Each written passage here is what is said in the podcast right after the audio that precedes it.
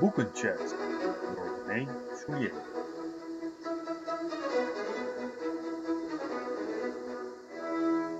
Het kleine meisje van meneer Lin. Uitgegeven in 2005. Geschreven door Philippe Claudel. Originele titel La petite fille de Monsieur Lin. Uitgeverij De Bezige Bij. Hoe ziet het boek eruit? Een relatief dun boekje, zeker voor een schrijver als Claudel, van 144 pagina's met op de cover een uitsnede van een foto van een klein meisje. Je ziet alleen de onderkant van een wit jurkje en twee schattige kleine rode schoentjes. De voetjes lijken te hangen alsof ze de grond niet kunnen aanraken. Meneer Lien is een oude man die geen vrouw meer heeft en zijn zoon en schoondochter door de oorlog, vermoedelijk de Vietnamoorlog, is kwijtgeraakt. Het enige dat hij nog heeft is zijn drie maanden oude kleindochter.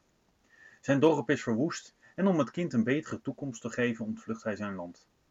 In het niet bij naam genoemde nieuwe land komt hij in een opvangcentrum terecht. Zijn enige levensdoel is zijn kleinkind grootbrengen. Hij koestert en verzorgt haar, zingt liedjes en hij is enorm bang dat iemand hem zijn kleinkind zal afnemen. Niemand mag aan haar komen. Zijn enorme zorg wekt de spotlust bij de medebewoners van het opvangcentrum op. Omdat buitenlucht goed is voor de kleine, waagt hij zich op een gegeven moment naar buiten en ontdekt een parkje. Gezeten op een bankje ontmoet hij hier meneer Bark, een grote, zware, kettingrokende weduwenaar. Meneer Bark praat heel vriendelijk tegen hem en hoewel ze elkaar totaal niet verstaan, groeit toch een vriendschap. Meneer Lien is blij.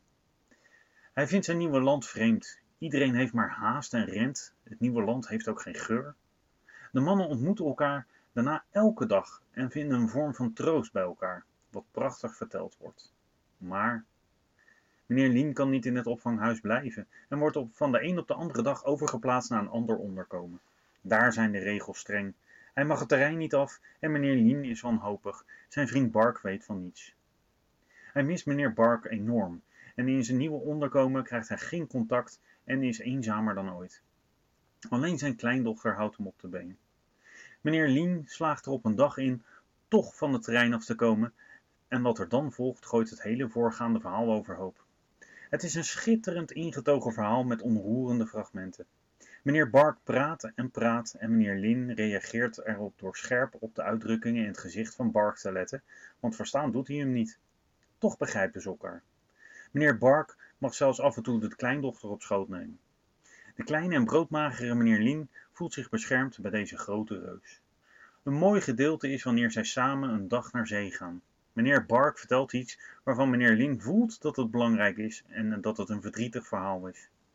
Meneer Lin probeert zijn arm om de schouder van zijn vriend te slaan, maar het lukt niet. Zijn arm is veel te kort voor zo'n enorme brede schouder. Hij glimlacht naar hem.